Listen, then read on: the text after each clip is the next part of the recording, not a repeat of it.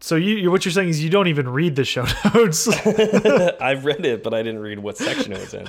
Um, let's I, I read it just not diligently.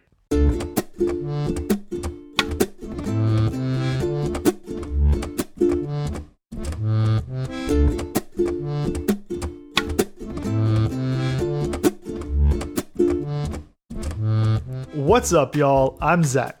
I'm Steve, and this is Fireside Swift. It's another week of Fireside Swift, Steve. And do you know? Do you know what this week is? Uh, no. It's it's our 24th episode, but it's our 26th week to be podcasting. because those are landmark numbers, right? exactly. Like, this is okay. Yeah, great. Yeah, I mean, that's That's that's awesome. six. That is six months. Oh well, see, there you go. That that, that actually means something. See, I was I, I figured I would have to to roll it back for Okay, you. gotcha. Because there's 52 weeks in a year. I get it. Okay, Twenty sixth. Yep. Gotcha. I wasn't. So, wow. I'm going. I'm I- going on months, not weeks. I don't. I don't think about weeks. So you're saying you didn't get me anything for our, our six month anniversary? Yeah, I got you uh, a podcast that we're recording tonight. That sounds terrible. I thought you liked this podcast. I feel now. I feel bad. Now, As- do I need to return it? Please do. I mean, as a gift, I just feel like you could have you could have put more into it. I could have, but that would require homework. Oh, I see how it is. so yes, happy six months. Happy six months. I actually did not realize that. Um, yeah, that's cool. Yep. Go us. We should keep. We should keep doing this. Yeah. Yes. Let's let's. All right, this would be news to me. It's like, and this is our last episode. All right, well, I'm glad. I'm glad you feel like we should keep going. No, no, no. S- To to six months and many more. All right, yeah, and to many more. um, so uh, along, you know, just kind of moving along. Um, Want to call out something uh, I said wrong last episode, uh, and of course this this was in the after so- show, so take it or leave it. I mentioned uh, PEDs in uh, you know that that that. That has something to do with control systems in electrical engineering. I meant PIDs, um, so not performance enhancing drugs, proportional integral derivative control systems. So One sounds more fun than the other. I'll leave that to you to decide which one is. I love the I love integral derivatives. Yeah, it's it's actually a really common and easy to understand control system, um, and uh, we've been using them for a long time, and they work really well. So, um, yeah, Those that's good. Using them for a long time and they work really well. they work really well. Uh, you can tune them, and uh, yeah, it's uh, it's a pretty neat system. Um, but uh, yeah, anyways, that's uh, I don't want to go deep into control theory at all. But uh, if you want to look it up, PIDs, proportional integral derivative control systems. Very nice. Uh, so in your in your proportional integral control derivative thingies that you're talking about. yeah, So what are you trying to segue? I'm trying and you just that's a hard No, one to, to hit. this- yeah, I know this is great. Like, So, keep keep floundering. Let's You've got keep it you've up. got pro proportions that are integral to the derivatives. And so tonight we're going to do object oriented programming. You could have been like, are there objects that need to have you know be manipulated with control systems? I was yes, try- yeah, certain objects need to be. I was trying to get there and I just couldn't. Could those objects be oriented and maybe programmed? See, you should have taken that. You did so much better. No, but it was great listening to you just like, you know, you know, floundering along. um, anyways, we're gonna be talking about um, you know a basic uh, you know computer science concept called object-oriented programming. One of the reasons we wanted to talk about this is because uh, in the last episode, you know, we had a method with the same name, and I I had to keep saying, you know, oh, it's the other blah blah blah method. um, and there's a specific terminology for that, but we don't know where a lot of our listeners' uh, knowledge base is really. Um, we hear from people who span a, a pretty wide area, and so you know we were trying to keep it as uh, generic as possible because there we could very well have some listeners that have not been exposed to object oriented programming before, and I didn't want to use a term that you know falls under that umbrella if it was going to lose people. Plus, I didn't know that term, so um, you know that would be something that, like I needed a refresher on uh, OOP, and because uh, it had been, I'm trying to think when I actually took an OOP class. I want to say it was over ten years ago. Yeah. Yeah. and it's it's funny because it it comes very naturally, or yeah, when you're when you're looking at your code and you're writing your code for the most part. the most um, part. To do this, you just don't understand really what it is that you're doing, right? Yeah. Like you're using object oriented programming principles, but you don't think of it as, oh, well, I'm writing an object oriented program right now. yeah. And, and for me, um, and there's, this is just a, a way of thinking about programming, and there's, um, you know, there's trends in programming and this was a popular trend in programming. I would say it was really hit its peak uh, 15 years ago, right, or somewhere around there. Um, and it, we we are kind of switching to maybe more of a functional uh, programming uh, thought. Um, you know, just a way of thinking about programming. That does mm -hmm. not make object-oriented programming wrong. procedural would be another way of, of thinking about programming. Um, and they all they each have their place. Procedural, object oriented programming, functional. They each have their way. It's really how it's it's how humans can think the way you know how how we can wrap our minds around teaching computers to do things and or at least getting computers to do things. And so I personally like object oriented programming because I tend to think about things as objects that you do things to and get things from. Uh, and so it, it, works with my worldview, but it may not work with yours. And that's not a bad thing. Um, maybe you uh, identify more with one of the other types of programming. Uh, what is this really called? I'm, I'm, I'm like, it's, not like a, it's philosophy. Not, yeah, I would say philosophy because it's not, uh, I mean, you could say design I guess, if you could design it as an object-oriented programming as or an object-oriented program yeah. as opposed to a functional program. Because yeah, because there's rules that you have to follow. So I guess you could probably say design, but and different ways you have to architect. Yeah, but maybe each. philosophy fits it better. So I'm gonna use that word. Yeah, I'll take it. Philosophy. I mean that that's it's pretty. Uh, it's a it's kind of a gray area as far as yeah. the exact terminology. So yeah, I'll take it. It works. Mm -hmm. All right, so um, let's dive right in. Sure. Um, so what what what's special? Like why why what is object oriented programming? Let's start with that.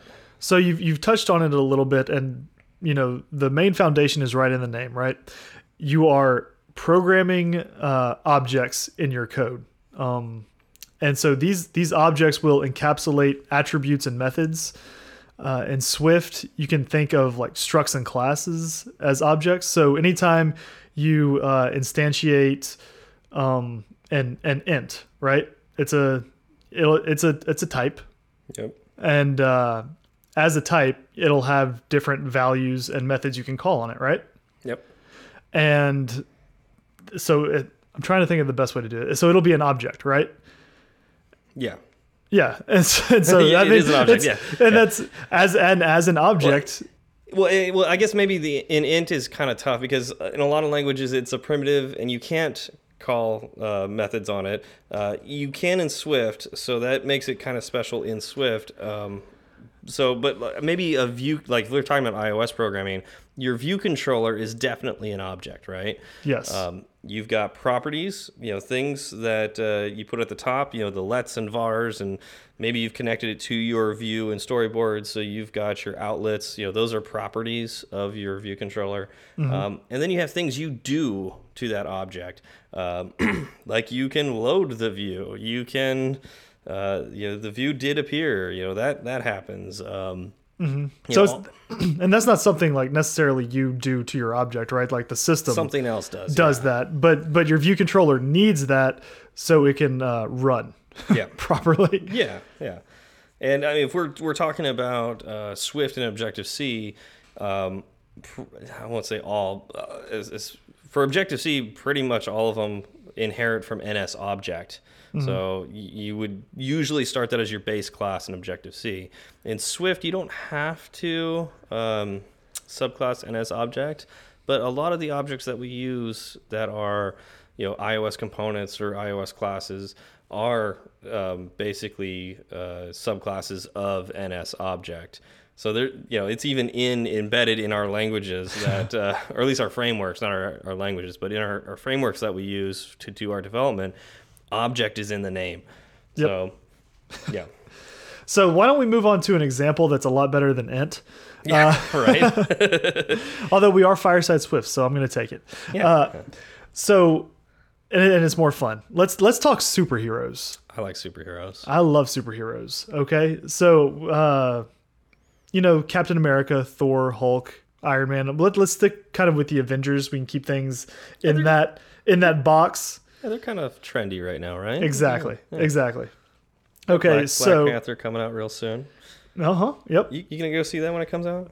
Of course. Oh, yeah. Of course. Yeah. Unless I don't, then I won't.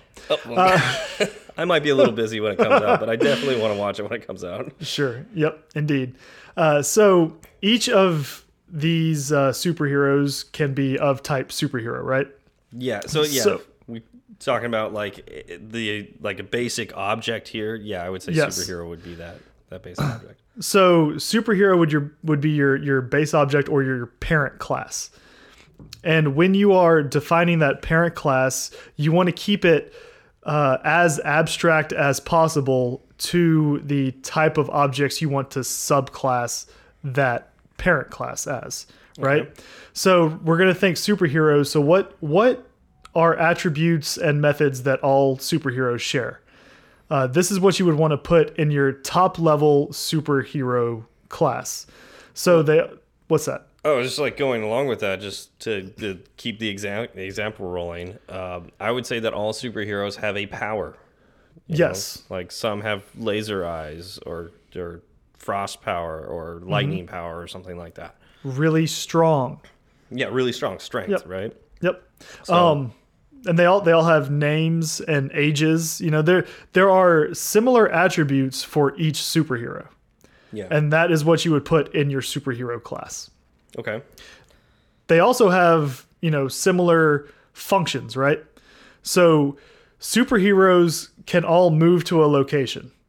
Okay. but they all do it in different ways. But you can still write the move to a location functionality in your parent class. okay. And superheroes also beat people up. Ooh, that is that is something they do. Villains. They beat villains up, not just people on the street. I mean, I guess they could they, uh, if that yeah, person on the street was a villain. I'm sure there are timelines when when some super, superheroes beat just kind of anyone up. Yeah, they, there's some dark comic books out there. So yeah, but yeah. but for this example, we'll we'll stick with villain. All right, so yeah, so they beat up villains, and so they would beat up villains in different ways, right? So, well, some would use their uh, super strength, and some would, uh, you know, burn them with fire, um, and so on and so forth. Yeah, You, right. you said that with a lot of gusto. Burn them yeah. with fire. yeah, yeah, gotta flames, flame on. Exactly. So right now we've defined our top level parent class, and uh, this kind of leads us into one of one of the main tenets of object oriented programming, which is inheritance. Okay. And what that means is if one object is a child or a subclass of another object or, or class, then it gets the same attributes and functionality. So, and when you say attributes, we're talking. I've heard this this termed as properties as well. So properties, and then you have methods. So Yes.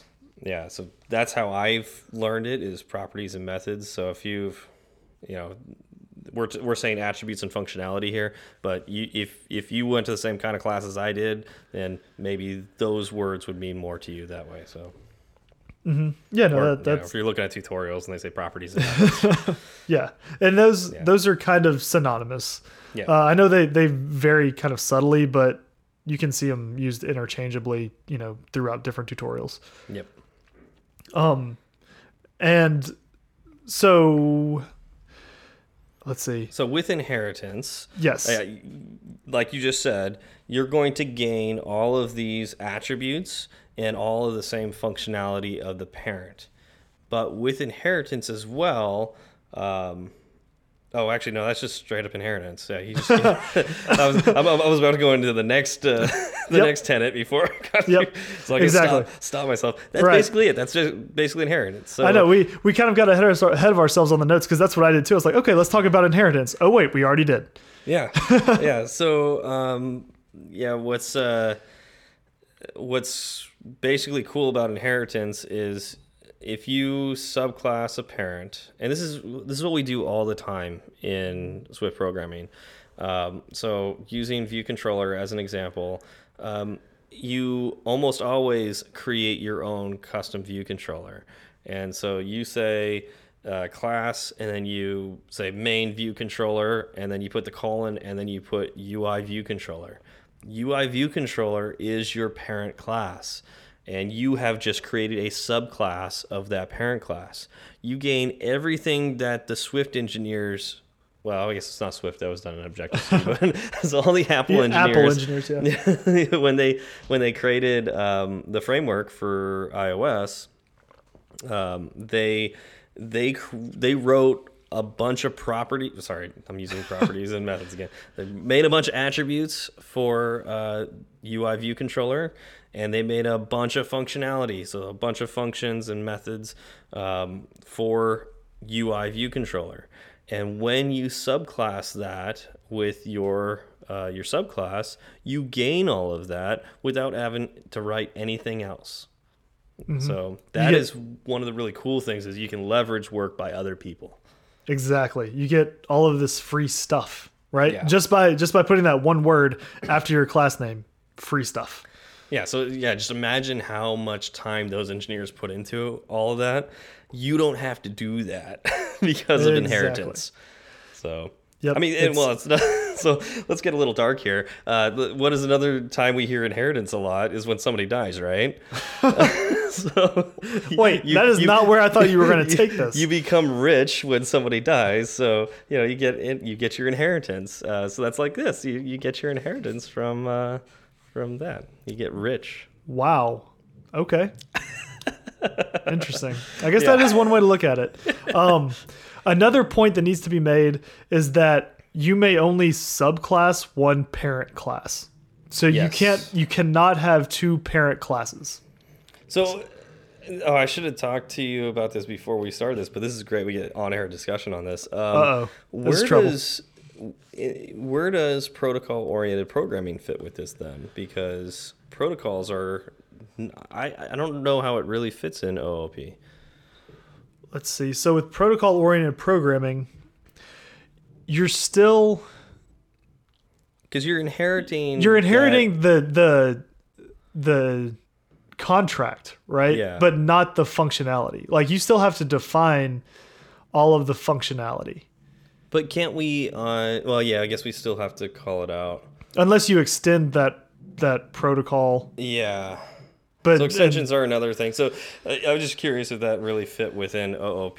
I guess in some ways it does, but um, in general, I, I think when they the original designs of OOP, they weren't really thinking of protocols. But like, this is one of those things where it's like, if somebody knows, please hit us up on Twitter, um, and love to hear uh, how protocols fit within OOP because uh, I'm not really sure how it exactly fits. Besides that, you're inheriting from those protocols. but you're not but you're not even inheriting. You're just following that contract. exactly.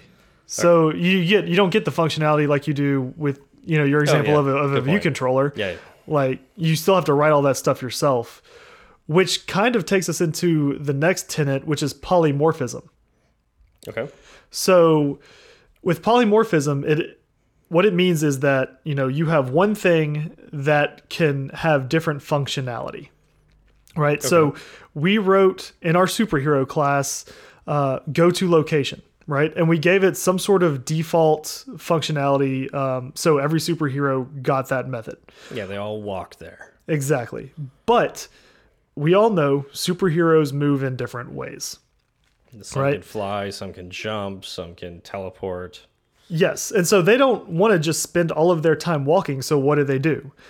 In their own class, they write go to location. They write their own functionality for go to location. They would override Exactly. previous method or So- the, the parent method. Yep, this is this is known as overriding a method. So when your subclass writes its own functionality for something that was defined in a parent class, you've overridden that method. Yeah, and then you would basically write your own way of doing it as opposed to and, really you would cancel out everything that was there before, right? Like Yeah, it's just like it doesn't exist anymore. Yeah. So in this case, the default was walking, and if you write it to be they fly there, um, then they just fly to that location. Now you can add you know more logic in there, so it's like they'll fly if they feel like it, but maybe they want to walk, and so they can walk. So, mm -hmm. anyways, but that has to be written as well. You don't get the previous one again. Once No. you've overridden it, you lose what was written before unless you uh, you call the super of that method. Oh, and that's that's probably something we should explain as well, right? Yeah. So when you say super dot uh, go to location, then you're actually getting the parent class's functionality. Yeah, so super is that parent class, and if you call super dot, let's let's talk about really a, concrete example. Uh, view did load, right? Um, we often see when we uh, we do this, we override view did load a lot in UI view controller. Uh, but what's the first thing that you see right after you do that? Um, or at least you probably should see. I don't know if anybody does this, but you, you should um, because you want to make sure you do this. Uh, super dot view did load. Um, basically you're you want to say that whatever the Apple engineers had written before for view did load, I want that functionality as well, and I want that to run before I add my my logic after it. And there's Yes. actually cases where you want to put that towards the end, or not even call, like the end of your your overridden method, or not at all. Um, I'm trying to think. I was about to say, you, uh, if you have any examples, that'd be great because I definitely do not. I I don't remember exactly. I'd have to look at the implementation, but I know the way at my work, the way we do dependency injection for uh, UI view controller, that requires us to do things before we call the super on the. Uh, is it on the init? I think it's on the init. But I, I could be wrong. Um, I just know that there's a point in time where we have to do things before we call super on it. Uh, you know, the super of the method. Okay. And there's another term when it comes to polymorphism. Okay. It's overloaded methods because and I remember when I was first learning this, I got these confused all of the time because they're so similar. Like what what is overridden, what is overloaded?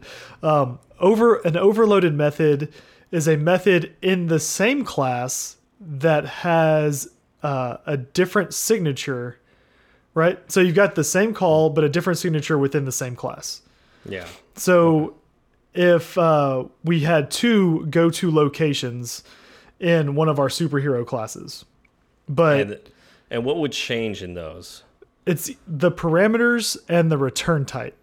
So it'd be like go to location and it'd have a GPS coordinate, mm-hmm. or go to location and it's got like the name of the building. Yes.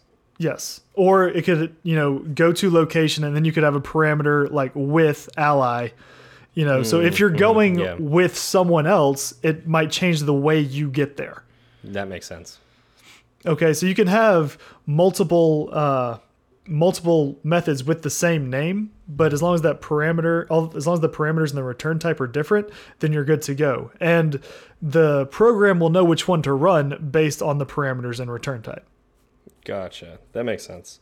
Uh, you couldn't just have a different return type, though, correct? Because you'd have to change something, either parameters or the signature, because if it's returning a boolean or if it's returning an int, Yes. it has the same signature that you there's no way it would know how to pick that, right? True. Okay. Yeah.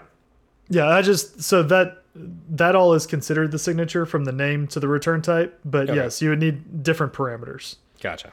Cool. Yep. Uh and What's so next? Oh, the third tenet. Yeah so so everything this kind of all all leads to uh, kind of encapsulation. That is the third main tenet of object oriented programming. Okay. and this one is is more straightforward. It basically means that the attributes of an object shouldn't be modified by anything other than that object itself right? So your data is encapsulated and uh, hopefully it's encapsulated with the code that will affect that data. Yeah. And so that's why we have, well, okay, that's why there are getters and setters in object oriented programming. The question that I have for you, Zach, is why don't we have getters and setters in Swift, really? Well, we we do have getters and setters in Swift, but it's it's funny. I haven't come across a lot of them. Well, the- well, the, I think the thing is they're implied. Yeah. Um, they do exist, and uh, you can affect them by default. You have, and, and like you could really change uh, whether or not you can set something. Like, uh, let's think about our our properties at the top of our our classes. Um, you know, whether it's a let or a var, so a constant or a, a variable. Um, well, with variables, obviously, with with constants, you can't get or so you can't set those once once they're once they're set. You know, once they're created, they're set. yep. Um, so those are read only. Those are read only, which means they're you only have a getter on that. Um, and then uh, for variables, uh, you can set that to a public read only and just set that within your class. Um, so you can actually create custom setters for that um, within creating you know when when you're uh, when you're creating those. But um, the reality is like Swift abstracts that away so you don't have to think about it as much. It does exist uh, within Swift, but it, it does a lot of stuff in the background. it was more obvious in Objective C where you had to uh, call it out, and I'm trying to think. So is it like called. is it like Java? In in Java, it's very obvious because once you write your class, then uh, you have to write getters and setters for every. Well, you don't have to. You don't have to, but if you don't, You're, you're supposed to. right. It's it's good object oriented. Exactly. design. and so this is why, like, when I'm thinking about trends of programming philosophies, we're moving away from object-oriented programming. You know, back when Java was in its true heyday, uh, this was just the way you program things. You made all of your properties private, and then you created functions for setting those properties and getting those properties. And that created a lot of boilerplate code. People don't want that anymore. And so you still have getters and setters, and you still have the ability to control that within Swift, but that's been abstracted away, so it's it looks cleaner. Okay, that makes sense, and I'm happy that that exists in Swift Yeah, because it does it does suck when you're sitting there. You write your class, and so in Eclipse, you just like there's code generation for it after you write all of your attributes or properties. Uh, you know, there's there's a a menu item generate getters and setters. yeah, yeah, and well, that's because it's it's a it's a pain to do this over and over and over again. And if and because object oriented pro programming was so popular back then, everybody did this, and everybody was writing the same things over and over again. At least they made it easy for us, um, and that's nice. But even now, um, things are moving away from that. And uh, if you look at uh, Kotlin code compared to Android Java Java code, um, it's not in Kotlin. It's not popular to create getters and setters. You still can, and there's still the auto generation if you wanted to. But when you're looking at tutorials and you know just other things that like teach you how to use Kotlin, it's more the Swift look and feel where Right. we don't write getters and setters. So Right. And uh, for what it's worth, I like that flavor of code better. yeah, Um, if everybody just understands that, you know, they're they're there, just behind the scenes, Yeah. doing the same thing. Uh, they're doing what you would be doing anyway. Then, you know that why not do it that way? Yeah. Yeah. Totally. And you can still go in and and you know define them as you wish, but this way you just get that functionality. Yeah, and so I want to say like I don't I don't know if we're truly violating object oriented programming the way we do things now. Um, I, I don't know if we're somewhat violating encapsulation, but um, know that you can truly go object oriented if you wanted to, um, and, and that in some ways you can like maybe sleep well at night because you know that Swift is creating getters and setters for you. So I don't Right. right. Okay. If you're really that antsy about following strict object-oriented programming, you can sleep well at night. I've, you know, I've I've been up at night the past uh, week thinking about this, so I'm happy to hear that I have uh, I have the Stephen Berard stamp of approval, There you and go. and I'll sleep much better tonight. Set your mind at ease. Whew, I feel better already. All right, there's one more pillar of object-oriented programming, and that is Abstraction, which we have kind of touched on with inheritance. yeah. So I mean, it's kind of hard to describe, but but when you're designing the parent class, you want to make it as abstract as possible, so you could have as many subclasses as possible, um, because that way you can your work goes further. So So, and the the other thing is, um, with abstraction, you can get multiple levels of of subclassing, right? yes, So we have superhero, and then we can subclass that to a, another type, like say X Man, right? yeah, yeah. And then you can subclass that to something a little lower that is more specific to what an X Man is. Totally. Um, and that's that's kind of how I view abstraction. it's probably completely incorrect. Um, I know. I, I think that's accurate. Ac- I believe that's accurate. Um, and if, if we look at like a, a real example of this in, in programming, we let's talk about UI View Controller because uh, that that subclass that you create in your app is a sub is you know a subclass of UI view controller, and U, UI view controller has to be abstracted so you can create all the different views we've we create for iOS programming.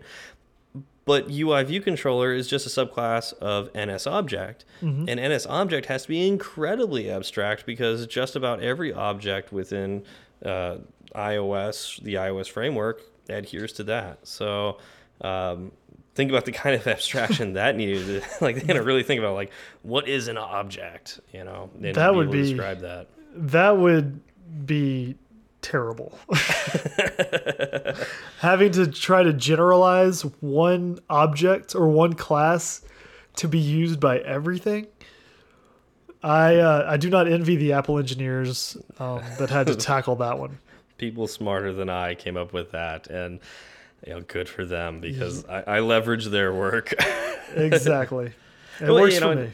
in some ways, the way we do work is object oriented. You know, we leverage frameworks that Apple made. You know, we don't make that. You know, we don't have to design the frameworks. We just use the frameworks. You know, as if we're subclasses of the iOS engineer object. so, I like it. yeah. I like it. Um, Very nice. So, do you have anything else you want to you want to talk about with uh, regards to object oriented programming?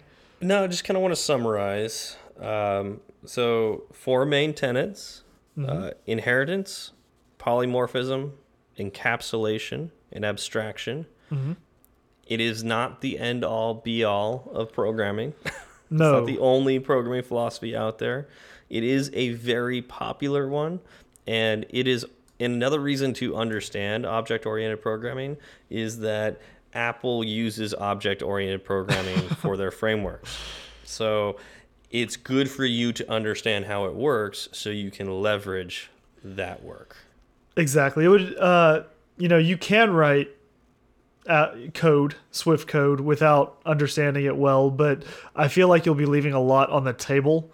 Um, Well, and you wouldn't you wouldn't know what some of these things are like. Why do I have to call super review did load? Exactly. Um, you know, things like that. Well, Exactly. because of object oriented programming, and let's say you want to go like you want to have a more functional philosophy or more procedural philosophy that's fine but you'll have to especially if you're doing it in ios you'll have to understand the object oriented part and at some point you're going to have to write the boilerplate that gets you into um, you know for being able to write in the philosophy that you want to write in Mm-hmm. um, yeah and then there's other other languages and, and other platforms that don't require that so um, yeah it, it's up I- to you I think I think that was a, a pretty decent way to sum up uh, Okay. what it is. You know, the four main tenets, and then it is what it is, but there are other ways to do it. Um, it- but it is kind of a foundational paradigm to understand.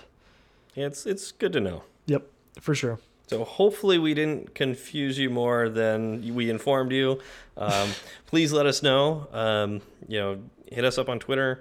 Uh, we love getting reviews on uh, the podcast app uh, and uh, you know that kind of thing. Um, Indeed. In fact, we got two new five star reviews. oh, we did. We did. So I want to say thank you to Jeremiah and Drewster for those. Great. And we Great. had we had a few other ratings as well, uh, but you know I don't know who rates us because no names come through that. But so if you want to, if you want a shout out, like so, you know, if I want a shout out from uh, Fireside Swift, um, I, I I guess I need to ri- actually write something in the review instead of just putting the star there, right? exactly, exactly, and it would help if it was five stars. Oh, that would, that would that'd be most appreciated. And you know, as as we've always said, um, you know, we're not making any money from this. Um, at least not yet. Uh, this will happen in the future.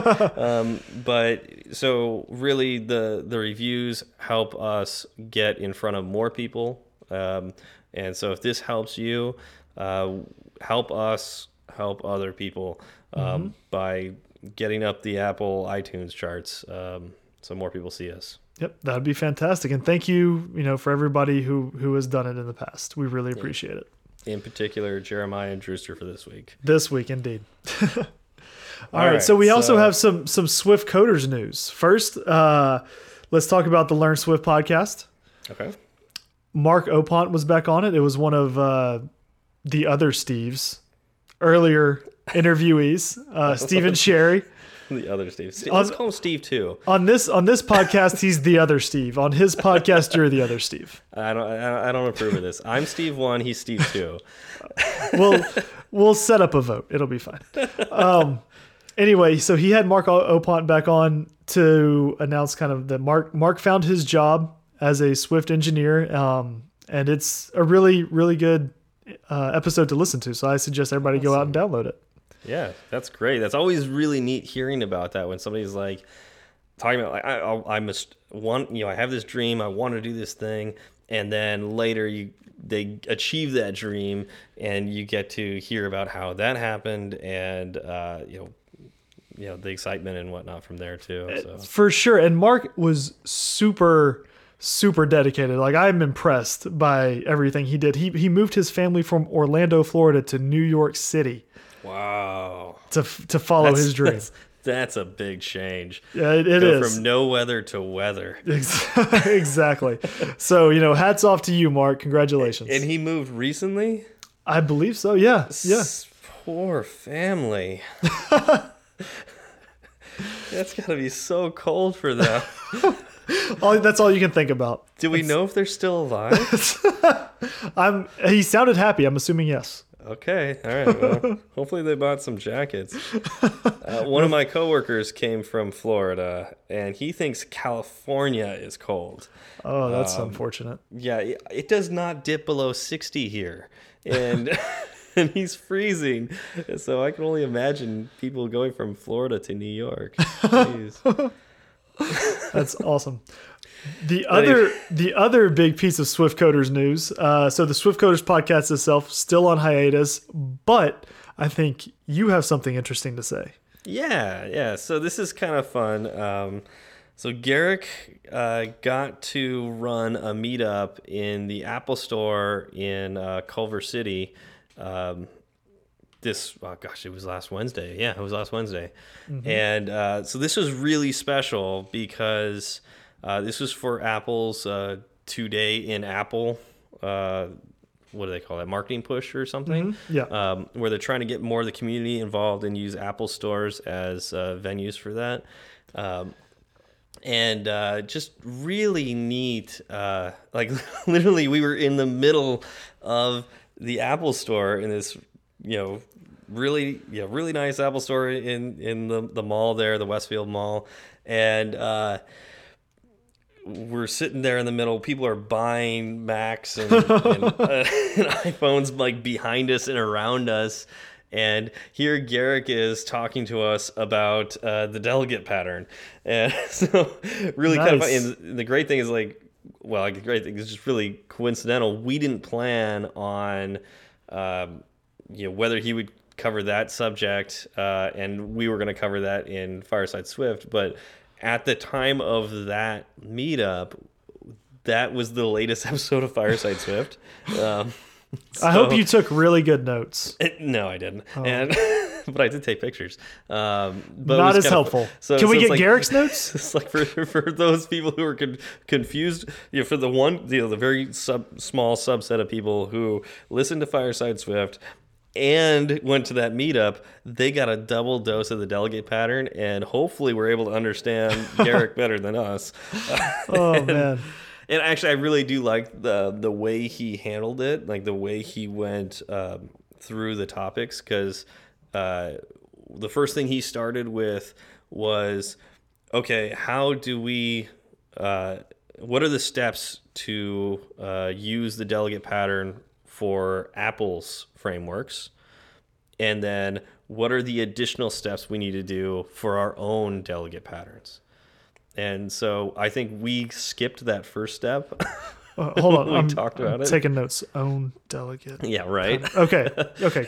Go ahead. so, so we skipped that whole thing of like, oh yeah, you just do this all the time for Apple frameworks. You know, you just we, we didn't even talk about it really. I know. So like I said, think- we're going to be revisiting that one. yeah, so I think we, you know, that's that's what we missed. We went straight into creating your own delegate, and um, yeah, so I think he did a really fantastic job with that. Um, it was the first time anybody's gotten to, to my knowledge, um, actually have a public meetup where i- in an Apple store where everybody else could see it, so that wasn't run by an Apple employee. Um, so that was really special, and. Uh, it went really well so we're going to be able to do it again and um, i believe it's next month same time same space and uh, yeah um, more information to follow if you're uh, you're following garrick uh, the swift coders uh, twitter channel um, the obviously the meetup channel and uh, i'm going to tweet about it too so yeah Nice. So, were you able to recruit anybody? Any new Mac buyers? Um, you know, so I wonder. This is literally how I was thinking about it afterwards. Like, if I was there and I wasn't a programmer, and I'm there just to buy a computer or buy a phone, and there's these people talking about stuff with a big screen in the middle of an Apple store, what would I think? Um, in my my head, I would think that'd be really like really cool. It's like here I am buying an iPhone, and here these guys are over here talking about how to program this iPhone. Yeah. So I thought that would be pretty cool. Um, so I, I don't know if we recruited anybody that way, but uh, I think in their heads they're going to be thinking more about how Apple really loves their developers and loves the community around uh, developing for for their platforms. And uh, I I'll, I'm going to guess that it's going to be like one of those subtly positive things that uh, uh, will just manifest over time. I agree. I think it's a, a win for all. Yeah, and and the you know we've talked about this before. The Swift uh, development community is just fantastic, and so this was just a, a true manifestation of it, where we got to be really you know got to nerd out in a place that is you know just got all the cool toys that we play with all the time. you know we program for, so it was just really special. Um, I can't wait to do it again. That sounds fantastic. I would I would love to be able to make that, but alas. Yeah. Yeah, well, well, you know, if you get you know enough uh, Austin developers together, maybe uh, it'll end up in Austin. That's true. Uh, Apple did build a new store up here in the domain, and it's it's one of the the brand new ones. It's all sleek and shiny. Um, so you never know. Yeah, yeah. Cool. We'll fly. We'll fly Garrick out here to give his delegate talk. There you go. I'm sure he would. I'm sure he would love that. I'm sure. all right, Steve. So how can people reach you? Uh, you can find me on Twitter. Um, my handle is SW Berard. That's B as in boy, E R A R D as in dog. How do we reach you, Zach? Uh, on Twitter, my handle is at zfalgout1. That is at z f is in Frank a l g o u t and the number one. And the uh, oh yeah, you can gonna- reach us at the store or the, the store. The, store. The, the podcast also has uh, our own Twitter page or Twitter account, and that's at fireside underscore swift. nailed it. Yeah. Awesome. All right. Well, thank you all for coming out, and we'll see you next week. Y'all have a good one.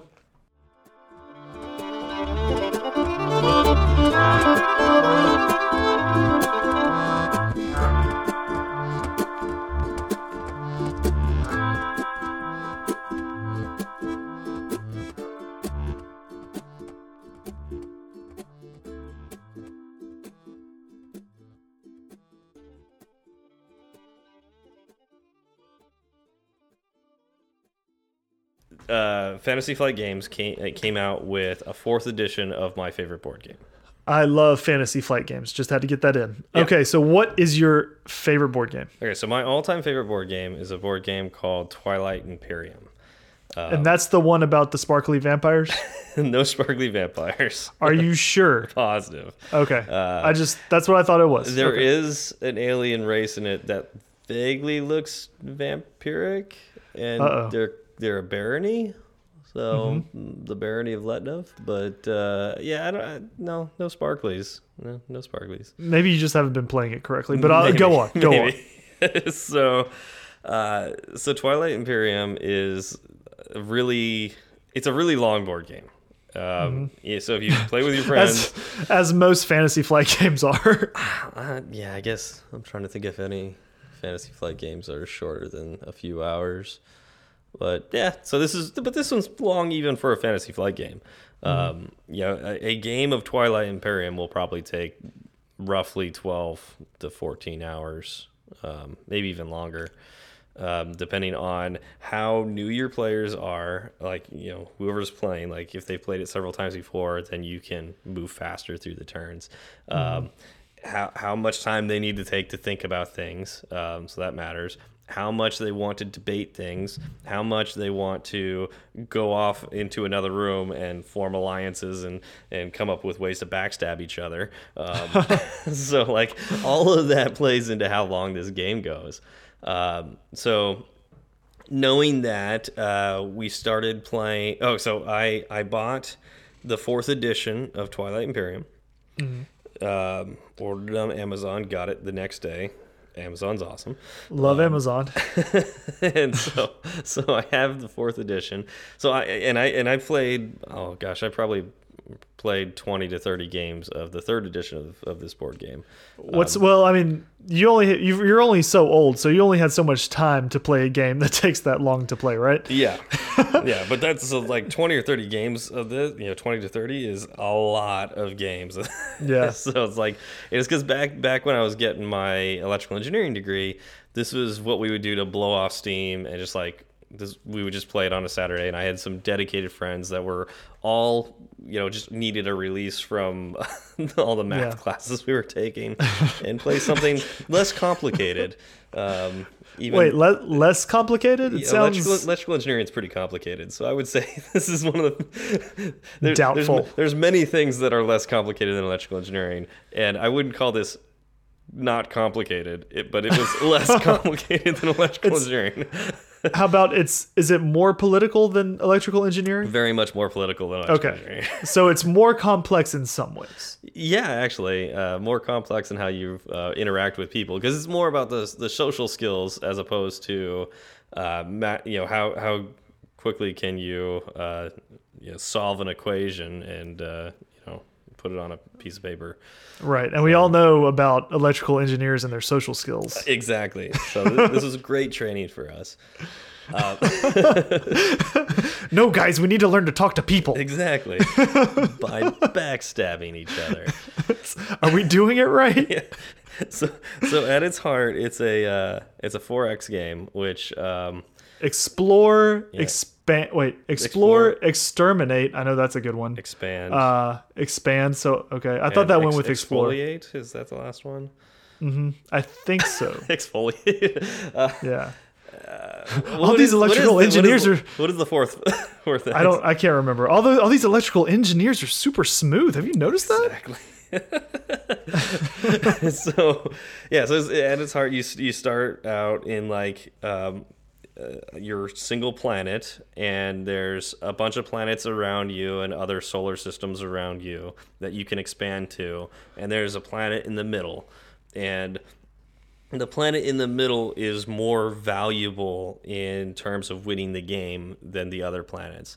Although it is very important to have other planets and have colonized them, so you've got income and political influence and whatnot, so you can afford to take and hold that center planet. Um, and there's so and, and you win not by taking out other players, you win by scoring points.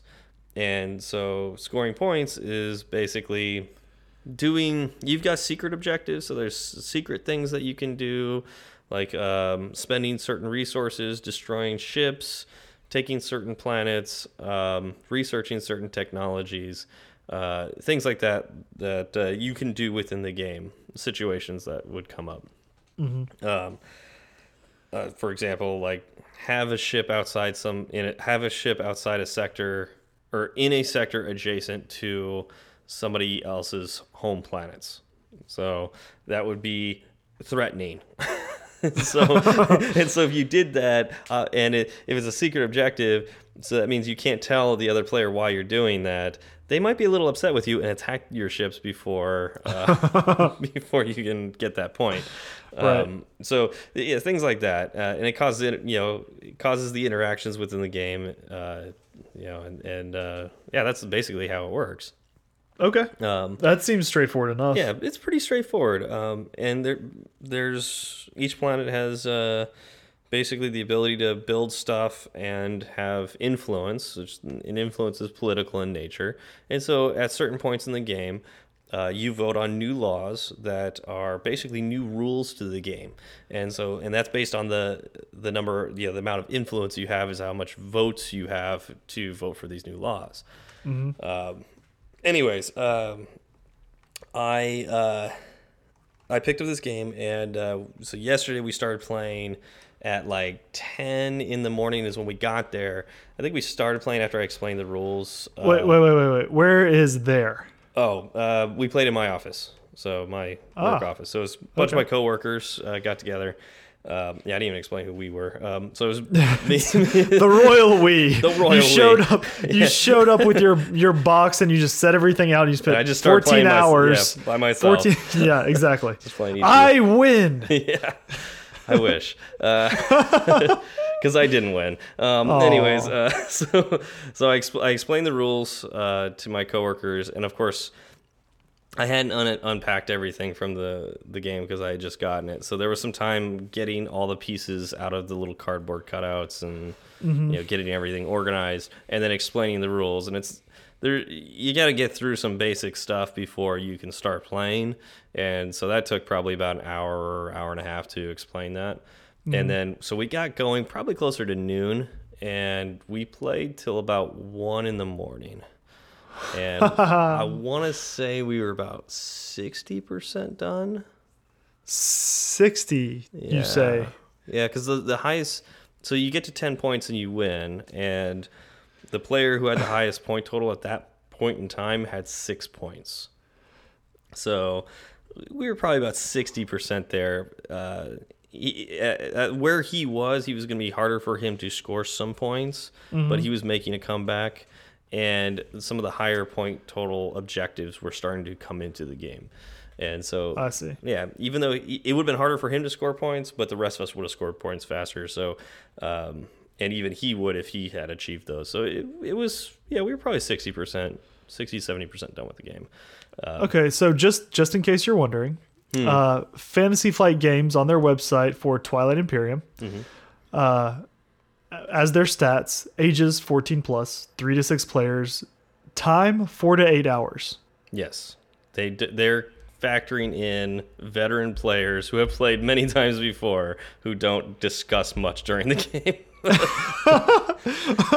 because yeah, so so a lot of what would happen because uh, two of the players had played Twilight Imperium before, but the other player James he had only played Twilight Imperium once before, and I've played it a lot, and so there were a lot of questions directed my way, and so um, we'd go around the table and there somebody would ask a question and I'd have to explain that, and so there'd be that delay, and then they would think about what they'd want to do uh, based on those explanations, and then by the time it would get around to me, I didn't think about my turn, so like I'd have to stop and go, wait a minute, I've been explaining all this stuff during your turns, I gotta figure out what I need to do, and so like the, it, it went way slower because uh, we just didn't have the experience at the table, um, but ne- yeah, the next time we play, it'll go a lot faster.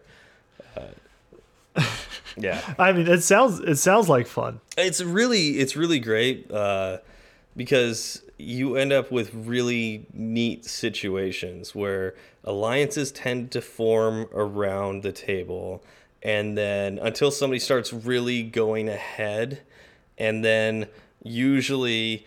Uh, people will form more, you know, alliances will change and they'll try to break that person's monopoly, which is exactly what happened yesterday, where uh, Actually, James was the one. James ended up winning because he had the most points at the end of the game, but he was winning the game, and he had an alliance of we had five players, and three of them were on the same, essentially, line, you know, allied with each other, the same team, but um, only one player can actually win. So, Right. yeah, like you're you're an ally with somebody, but they're actually going to win the game if you keep this going. Uh, so one of the guys decided to break the alliance, and uh, he he annihilated James's fleet in the center of the board. But then uh, the player to my right uh, decided to roll in and knock out his fleet the next turn. so it was just like bang bang, where like fleets changed hands. Like it was just Yep. really really fun how that that kind of thing happened like like that. Um, yeah. Did were were there any words said as the alliance broke up? I want I want to hear trash talk. I want to hear So- Twilight Imperium trash talk. I mean, there was actually right during the uh, the next voting stage, there was uh, a law that was basically um, put a, a bounty on somebody's head, and of course, the person that got that was the guy who was the betrayer. So. Oh, nice. so he got the bounty put on him. And uh, i was playing a race of aliens that are basically pirates. And so if you um, you know if you really look thematically it's a very thematic game too. There's backstory for every one of the, the alien races. And there's 16 different races you could play as. Um, and so my I was pirate, so I was like, well, and I and I was in a position to take this bounty, so I was like, yeah, I guess I'm a pirate. So there we go. I attacked him. Ramming speed. exactly, it was great. Uh, um, That sounds like fun. Yeah, it- So, what's your favorite race uh, and why? so I think I, I do enjoy playing the pirates, um, but I really shouldn't because I'm far too aggressive when I play as them, and I literally knock people out of the game, and so I should stop doing that because it's not fun for everybody. Um, But it's fun for you. uh, to a degree, I, I don't like I, I don't like pissing people off that much. You leave them with one ship left in their entire fleet. Well, that's like, kind "No, of one we're of the things I did. Even this game, I I parked two ships right outside of somebody's homeworld, so they couldn't build anything around their homeworld. Um, and uh, I did that the last time I played the game as the Pirates too.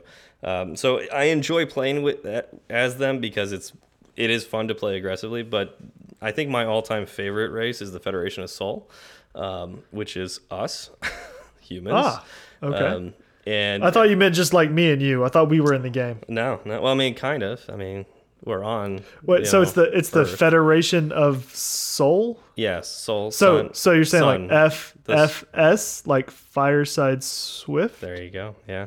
Is that what you're saying? Fe- Federation of so FS. Yeah.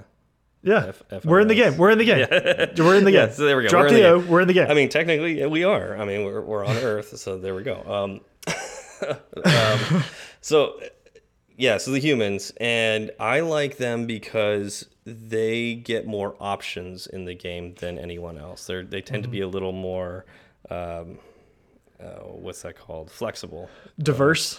Not diverse, um, but they, they're, they've got the best carriers in the game. So they can uh, have more fighters in their fleets and more, and they can carry more ground troops. Um, there's something called command tokens in the game, and that's how you move. And they get more command tokens than anyone else. Um, and uh, it's really hard to actually put ground units on planets because you have to carry them with carriers and actually intend to be in that system and drop them off. Uh, but they can uh, spend their command tokens to put uh, just ground units on any planet they control. Okay. So it's wow. yeah, so you can defend planets if somebody's going to come in and try to invade you. You can just automatically have troops there. so it's like really, really great for defense. Yeah. Um, and you well, and a, a sidetrack with that is you can use that to delay your turn because sometimes it really stinks to go before somebody. Sometimes you want to go after somebody, and you can use that as your turn and wait for them to make their move and then respond to that. So mm. I've I've yeah, so I think they're my favorite race. So for, yeah, I, I I really enjoy playing as them. They're pretty tactical.